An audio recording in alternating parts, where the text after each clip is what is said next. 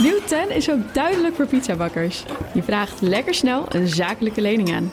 Net zo snel als dat ik mijn pizza's bezorg. Duidelijk voor ondernemers. Nieuw 10. Je doelen dichterbij. Een initiatief van ABN AMRO. De personeelstekorten zullen nog jaren aanhouden. Dat zeggen de economen van drie grootbanken. En dat blijft zelfs zo als buitenlandse werknemers na corona weer terug zouden komen. Een aantal webwinkels probeert een CAO van de grond te tillen die voor de hele branche moet gaan gelden.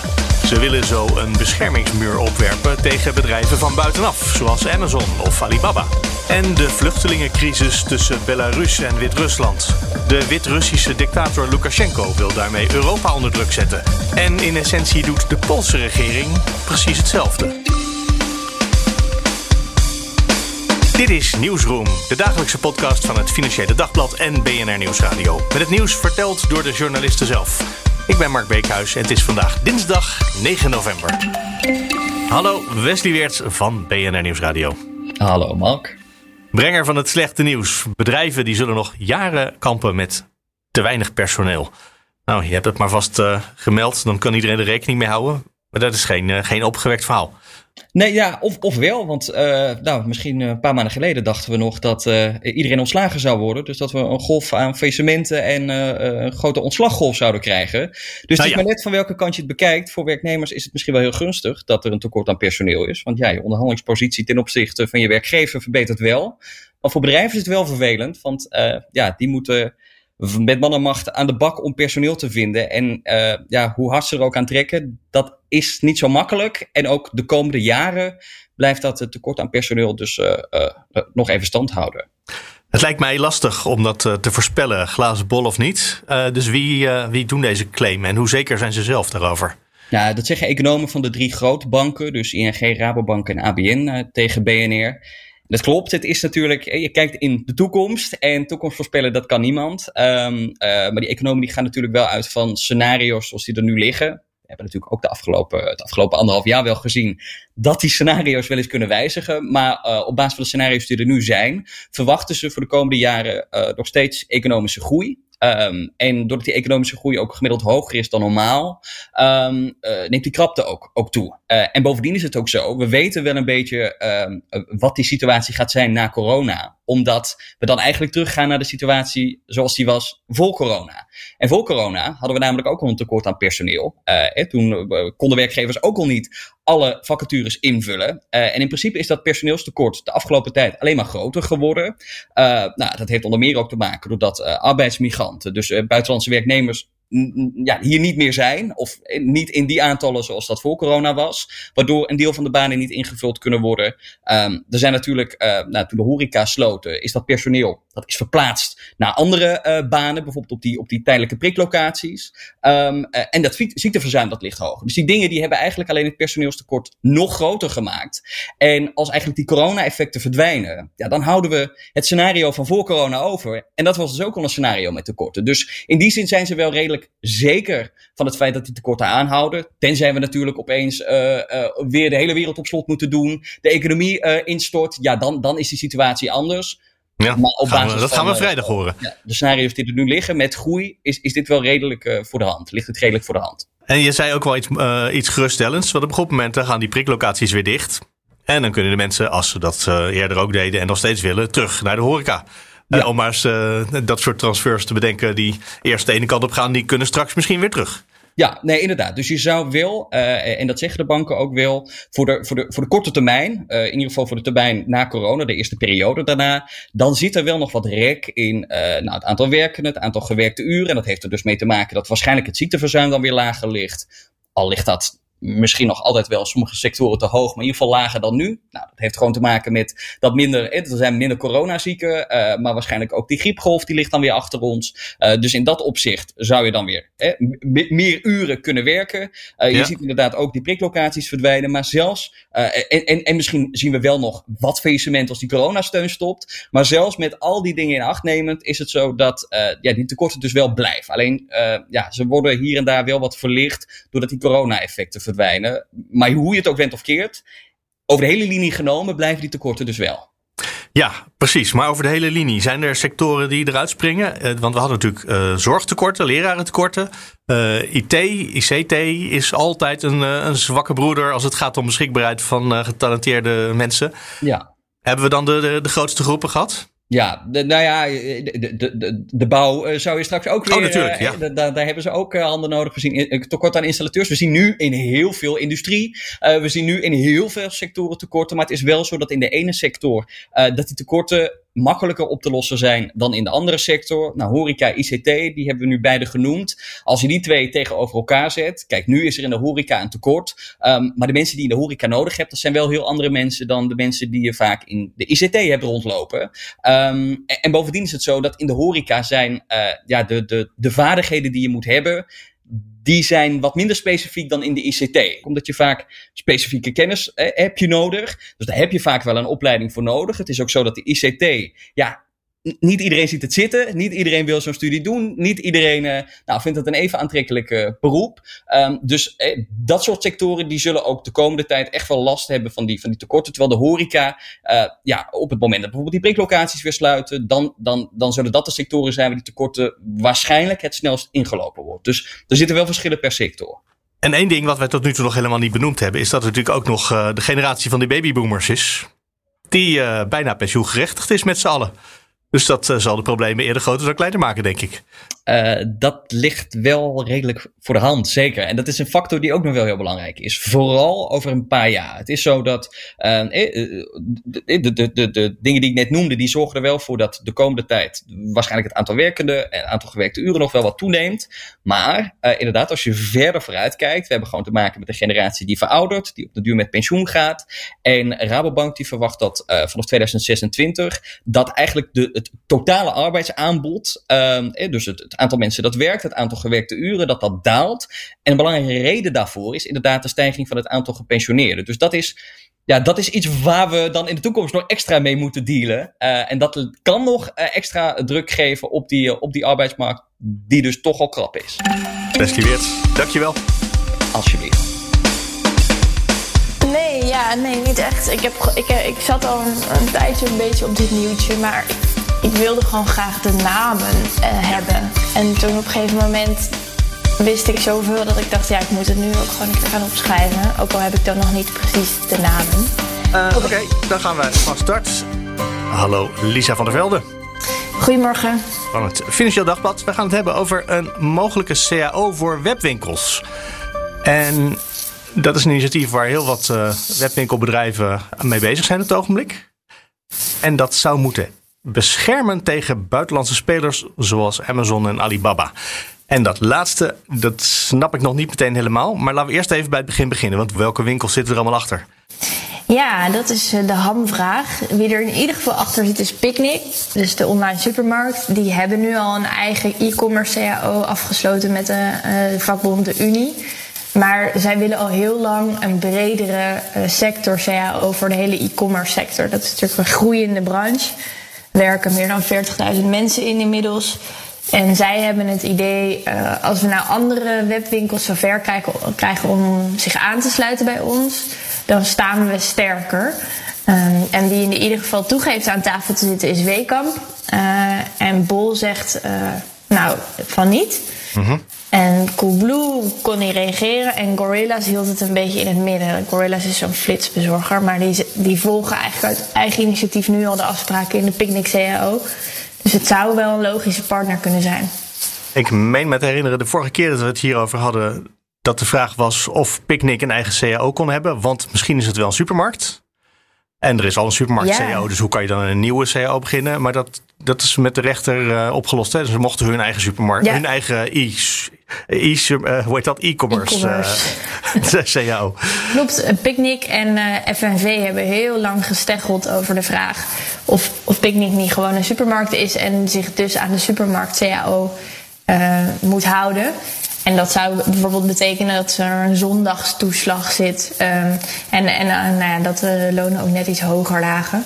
En daar hebben ze voor, over geruzied. En uiteindelijk heeft de rechter in het voordeel van Picnic besloten.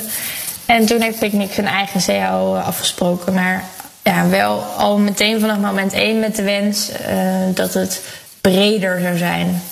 Dus dat meer bedrijven zouden meedoen. En dan zijn er verschillende projecten op het ogenblik gaande, begrijp ik uit je artikel. Namelijk voor de supermarkten of voor alle webwinkels in het algemeen. Wat is de gedachte daarvan? Ja, volgens mij bewandelt Picnic nu gewoon twee sporen. Omdat ze, ja, ze weten niet zeker of het lukt. Maar het ene is een e-commerce CAO met, met nou, eigenlijk allerlei webwinkels. Hoeft niet alleen food te zijn, maar kan ook, nou zoals Weekamp, die verkopen kleding, meubels. Um, dus, dus echt een brede CAO. En het andere spoor dat ze bewandelen is dat ze aan het kijken zijn met uh, Albert Heijn en Jumbo, die ook een online tak hebben en ook boodschappen bezorgen. En dan in samenwerking met alle vakbonden of er een soort vertakking van de supermarkt CAO kan komen en speciaal voor de online tak. Dus um, nou ja, ze, proberen, ze, ja, ze, proberen het op meerdere manieren, maar ze willen in ieder geval een bredere, uh, breder gedragen CAO, dat is duidelijk. En die breedte is belangrijk, want dan ga je over van een bedrijfs CAO naar een bedrijfstak CAO. Hè? Dat ineens alle bedrijven ja. mee moeten. Als, wat is het, de helft of zo van de bedrijven meedoet? Ja, volgens mij is het 60 procent. Uh, als 60 procent van de branche meedoet, dan is die CAO algemeen verbindend. En dat betekent inderdaad dat uh, Amazon, Alibaba en volgens mij dit weekend is ook JD.com, dat is zo'n hele grote Chinese speler, uh, naar Nederland gekomen dat die zich daaraan moeten houden. En um, de vrees is, als dat niet zo is, dat zij gaan concurreren op arbeidsvoorwaarden. Omdat zij hier binnenkomen. Er is geen CAO, ze moeten zich natuurlijk aan de wet houden, maar dat zal dan het enige zijn. Verder zijn er soms bedrijfseigen afspraken, maar de vrees van Nederlandse webwinkels is natuurlijk dat zij zich wel keurig aan allerlei uh, arbeidsvoorwaarden houden en hun uh, personeel uh, opleidingstrajecten geeft of nou ja, toeslagen en weet ik veel wat. En dat die, die, ja, die, die goedkope buitenlandse webwinkels dat niet doen. En dat ze zo een concurrentienadeel hebben. Check trouwens meteen even dat JD.com. Maar JD.com krijg je nog een website volledig in Chinese tekens. En als je dan uh, jd.nl intikt, dan kom je bij uh, de jonge democraten van D66. Mm, dus dat, ja, dan moeten we nog even wat doen. Dus die website ja, geloof... hebben ze nog niet. Maar die, die zijn onderweg naar Nederland. Ja, ik geloof dat ze in Nederland een andere uh, naam, ook ze hebben laatst een supermarkt geopend. Um, en dat ze dan een andere naam kiezen omdat ze de verwarring met JD Sports willen voorkomen. Dat is zo'n sneakerketen. Oh ja. Uh, dus uh, die supermarkt die ze hebben geopend of net gaan openen, dat heet dan Oga Ochama, Ogama of zo. Ze, ze, ze voeren hier onder een ander vlagje. Ja, oh, dat is grappig dat ze inderdaad een merknaam hebben bedacht waarvan wij niet weten hoe je hem uitspreekt. Maar je spelt het met ja. CH. Ja, ja. Oké, okay, nou, dus de vraag, de vraag is natuurlijk nou hoe, het, hoe kansrijk zo'n project is. Je zei al, uh, dat Picnic zit hier uh, heel erg op te duwen. En die hebben ja. inmiddels twee processen naast elkaar lopen... in de hoop dat een van die twee dan misschien maar rond zou komen. Uh, ja. Maar dat geeft misschien ook wel aan dat ze zelf denken dat het niet gaat lukken. Ja, dat weet ik niet. Dit geeft aan dat ze het heel graag willen. En uh, ze zijn echt al een jaar eindeloos veel gesprekken aan het voeren met uh, webwinkels. Maar Michiel Muller, dat is de baas van Picnic of de oprichter, die zegt ook wel: ja, het is een moving target. Dan zijn mensen weer heel geïnteresseerd. Maar webwinkels staan er ook niet onbekend dat ze, dat ze enorm. Uh, vooruitstrevend hierin zijn en zijn gewoon bezig met hun eigen business. En um, ja, arbeidsvoorwaarden, dat, dat is relatief uh, een uh, nieuw onderwerp voor hen. Dus hij zegt, ja, soms heb ik het gevoel dat er een heleboel mee doen, dan maar niet, dan maar wel. Dus ja, het is, uh, het is, het is lastig om uh, ervan uit te gaan dat het rondkomt. Maar wat ik nu wel heb gehoord is dat om zo'n eigen CAO te moeten afsluiten, moet je je eerst verenigen als werkgever, zodat je een soort vertegenwoordigingsclub hebt. En dat is nu erg, erg dichtbij. Uh, dus dat zou wel de komende twee weken rond moeten zijn. Dus dan is er een vereniging van werkgevers die samen gaan onderhandelen met uh, nou ja, alle vakbonden ja. of met een selectie daarvan. Ja, en die moeten dan uh, voor in, in, ieder geval alle vakbonden uitnodigen op gesprek. En dan ja, is maar de vraag uh, of die ook komen opdagen. het zou goed kunnen dat de CAO die er dan uiteindelijk komt, dus dat is een e-commerce CAO met een paar bedrijven, dat die erg lijkt op de CAO die Picnic nu met de Unie heeft afgesproken. Oh, en dan is uh, FNV niet gelukkig met die nieuwe CAO. Want die wilde eigenlijk nee. de zondagstoeslagen uh, bijvoorbeeld overeind houden. Ja, Maar in de nieuwe supermarkt-CAO, dus degene waar FNV uh, vond dat picknick onder zat, daar is ook een halvering van die zondagstoeslag in opgenomen. Dus dat, die staat sowieso wel onder druk, geloof ik. Ik denk dat we nu weten wat we kunnen weten over dit onderwerp. Dus eerst moeten de werkgevers zich even verenigen. En daarna komt de onderhandeling. En dan weten we of het succesvol kan zijn om bedrijven van buiten, uh, de, de Alibaba's, om die te forceren, te dwingen ook om uh, acceptabele lonen te gaan betalen hier. Yes. Lisa van der Velde, dankjewel. Jo, alsje. Hallo, Han-Dirk Hekking van het Financieel Dagblad. Hey Mark. We gaan het hebben over een van de grootste menselijke drama's die zich op het ogenblik aan de grenzen van Europa afspeelt. De vluchtelingenstroom, hoewel vluchteling is misschien een ingewikkeld woord in deze context, van Belarus richting Polen onder andere, maar ook eh, een paar eh, Baltische staten. Dat, wordt, dat is een enorme crisis aan het worden. En tegelijkertijd, het artikel wat ik van hand heb gelezen vanmorgen, daar staat, zegt ook iemand met verstand van vluchtelingenstromen, uh, die zegt, ja, je moet het ook niet groter maken dan het is. Kijk, de Poolse regering zegt inderdaad dat er duizenden mensen op weg zijn naar die hier grens. En dat er ook al duizenden mensen zeg maar, in de buurt uh, daarvan zijn. Uh, tegelijkertijd kunnen wij dat niet uh, controleren. Hè. We moeten eigenlijk vertrouwen dan op de Poolse regering. Want die laat voor de rest zeg maar, in een strook van, geloof iets van drie kilometer rond die grens helemaal geen journalisten meer toe en zo. dus wij moeten eigenlijk bij de berichtgeving, gek genoeg, zeg maar, moeten we ja, leunen op de filmpjes die worden gemaakt vanuit migranten. Die met een mobiele telefoon zeg maar, staan te filmen wat daar gebeurt die grens. En op de beelden van, de Poolse, van het Poolse ministerie van Defensie. En defensie in tijden van strijd zijn niet altijd de meest betrouwbare bronnen, zeg ik dan maar voorzichtigjes. Uh, nee, nou ja, goed. Kijk, ik denk dat, dat er inderdaad sprake is van, uh, van een grote groep mensen die daar inderdaad aan de grenzen met uh, Wit-Rusland en Polen staan om, om Polen te betreden. en die komen er niet in. Dat wordt verhinderd door een, door een legermacht, door grensbewakers in Polen en door agenten daar. ze proberen inderdaad die grenshekken die Polen heel snel heeft opgericht daar om, om die te slopen, om, om maar, toch land binnen te komen. Het probleem is een beetje dat je kunt inderdaad niet controleren wat er gebeurt. Tegelijkertijd is het ook zo dat het overduidelijk is dat uh, Lukashenko, de dictator van Wit-Rusland, heeft besloten dat hij op deze manier probeert, uh, wil proberen, namelijk door het sturen van migranten naar Europa en naar het sturen van deze grens, te proberen om Europa eigenlijk onder druk te zetten. Uh, hij heeft last van, van sancties uh, die op hem zijn toegepast. Ja, en omdat hij de verkiezingen gestolen had. Omdat hij in 2020 inderdaad de verkiezingen zeg maar, eigenlijk achterover had gedrukt. Die, hij heeft waarschijnlijk heeft hij, heeft hij die verloren, maar toch heeft hij die gewonnen. Ja. Uh, nou, toen kwamen er sancties. En ja, sindsdien is het eigenlijk bijna een soort oorlog, zou je kunnen zeggen. Weliswaar een politieke oorlog. Nog niet echt met, met schoten die, die vallen. Alhoewel, er wordt geschoten aan die grens. Maar dat is dan vooral eigenlijk om die migranten ja, zeg maar, te ontmoedigen om nog terug te gaan naar Wit-Rusland. Dus Wit-Russische militairen schieten in de lucht. Dus die mensen moeten daar blijven aan die grens. Dus die zitten eigenlijk gewoon in. Die zitten in, die strook van drie kilometer vast en die kunnen niet vooruit en niet achteruit. Ja, ze zitten echt letterlijk vast aan die grens. Ze komen Polen niet in. Uh, en vervolgens mogen ze ook niet terug naar Wit-Rusland. Dus daar ontstaat gewoon een humanitaire crisis ook. Ja, daar wordt met de hand een humanitaire crisis georganiseerd. En ja. daar zijn wij in Europa hartstikke gevoelig voor. Dus misschien gaat het nog wel lukken ook. Ik bedoel, we hebben natuurlijk ook gezien uh, vanuit Turkije is er een keertje besloten dat de deuren open gingen. Uh, vanuit uh, Marokko richting Spanje is dat wel eens gebeurd. En dat vinden wij in Europa onmenselijk en dan willen we iets doen. Dus het zou nog wel eens kunnen werken ook. Ja, de vraag is een beetje of het in dit geval gaat werken. Omdat uh, juist in Polen natuurlijk een regering aan, uh, aan de macht is. die eigenlijk al jarenlang ageert tegen het opnemen van migranten en vluchtelingen. Um, die wel allemaal niks mee te maken hebben. Die heeft ook natuurlijk zich echt met hand en tand verzet tegen destijds die deal die er in Europa was. over het uh, verdelen van eigenlijk migranten en vluchtelingen die in Griekenland aankwamen. daar zijn ze zelfs voor bezig procederen bij het Europees Hof. Die hebben ze verloren, maar uiteindelijk hebben ze nooit iemand opgenomen.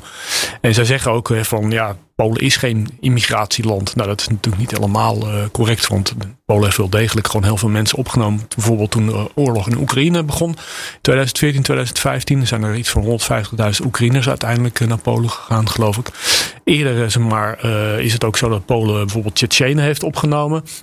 Twintig jaar geleden, toen de oorlog zeg op de Caucasus uit de hand liep. Um, dus het is niet allemaal zo dat, dat Polen gewoon nooit geen mensen opneemt. Alleen ja, nu komt het even wel heel erg goed uit om te zeggen: nee, we nemen geen enkele migrant op. Die mensen hebben hier niets te zoeken en uh, dat is voor anderen. En, en, ja, aan de ene hier... kant zeg je die 150.000 versus een paar honderd die nu aan de grens staan. En misschien zijn het er wel 2.000 of 3.000 inmiddels. Maar dat is natuurlijk echt een andere orde. Dus dat getal, uh, dat, dat misschien, dat we het niet moeten overdrijven.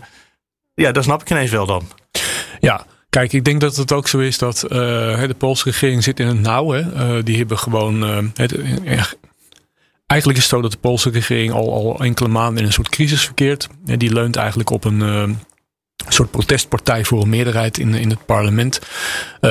Ze hebben een enorm eh, conflict met de Europese Unie. Het gaat over de rechtsstaat, uh, waarvan uh, Brussel zegt dat, dat Polen de rechtsstaat ondermijnt. En daardoor komt er waarschijnlijk geen geld richting Polen, geen Europese subsidies voorlopig.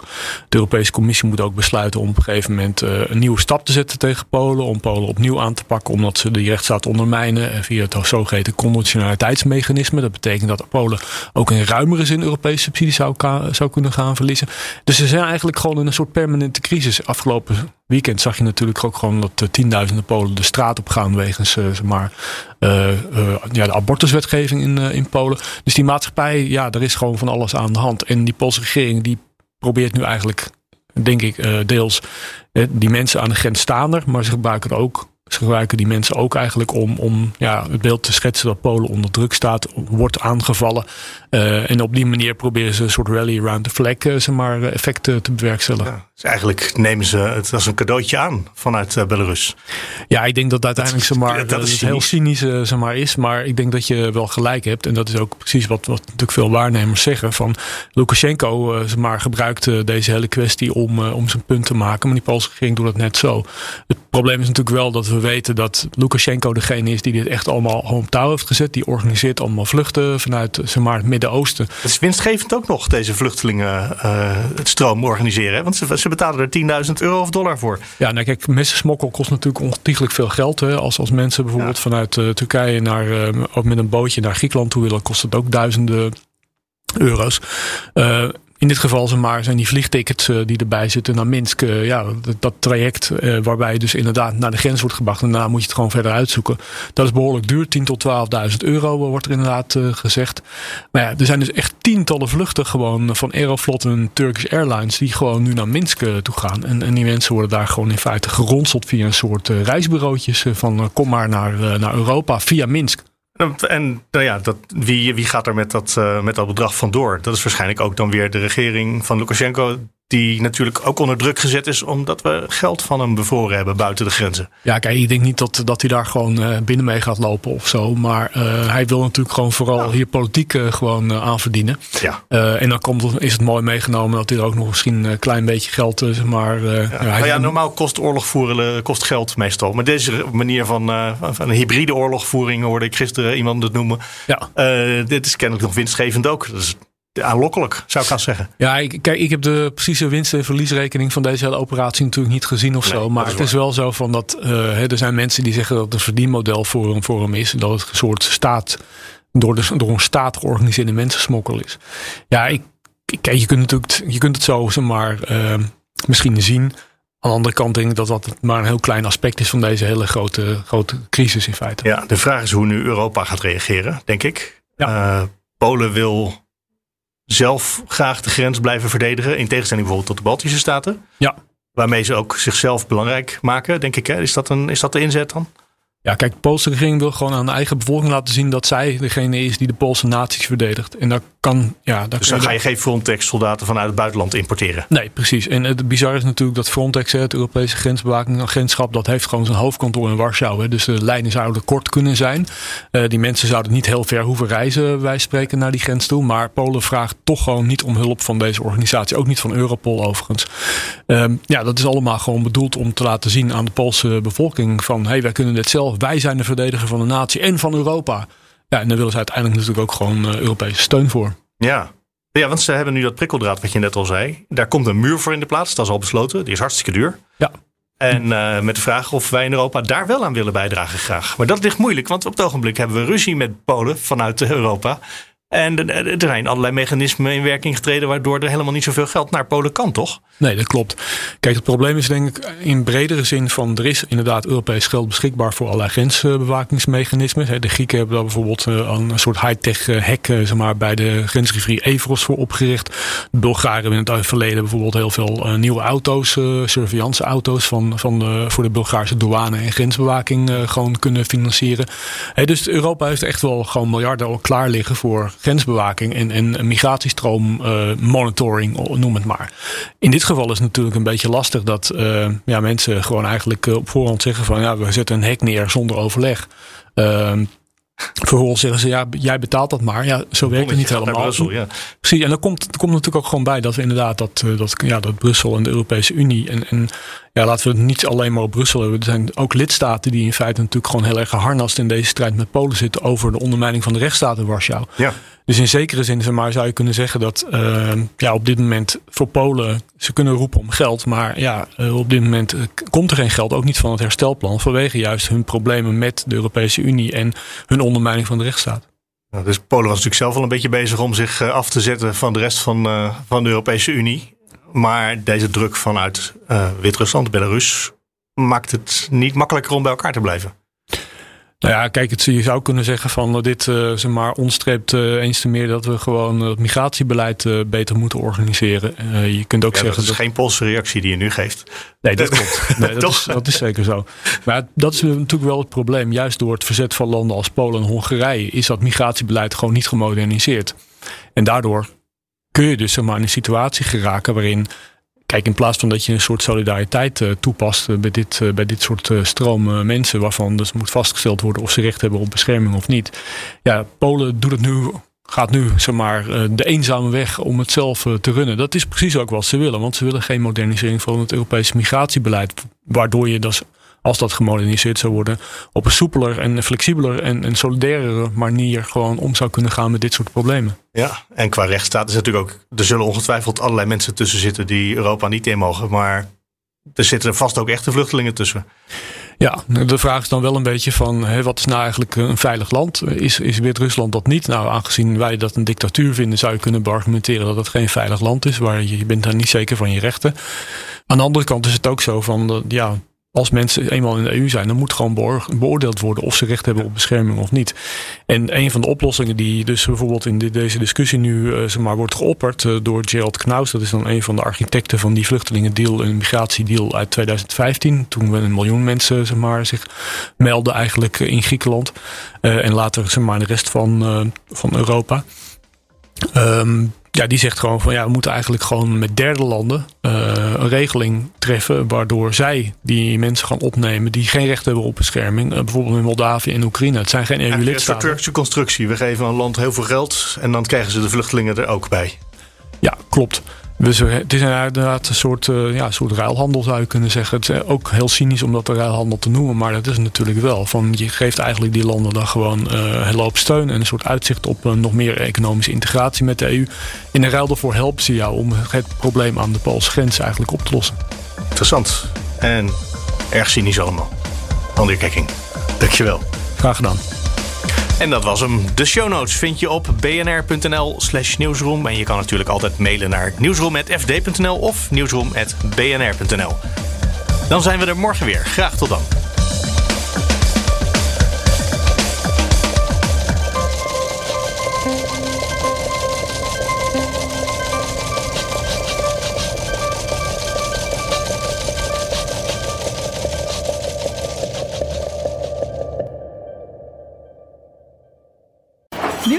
10 is ook duidelijk voor pizzabakkers. Je vraagt lekker snel een zakelijke lening aan. Net zo snel als dat ik mijn pizza's bezorg.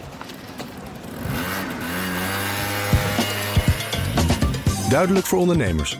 Nieuw 10, je doelen dichterbij. Een initiatief van ABN AMRO.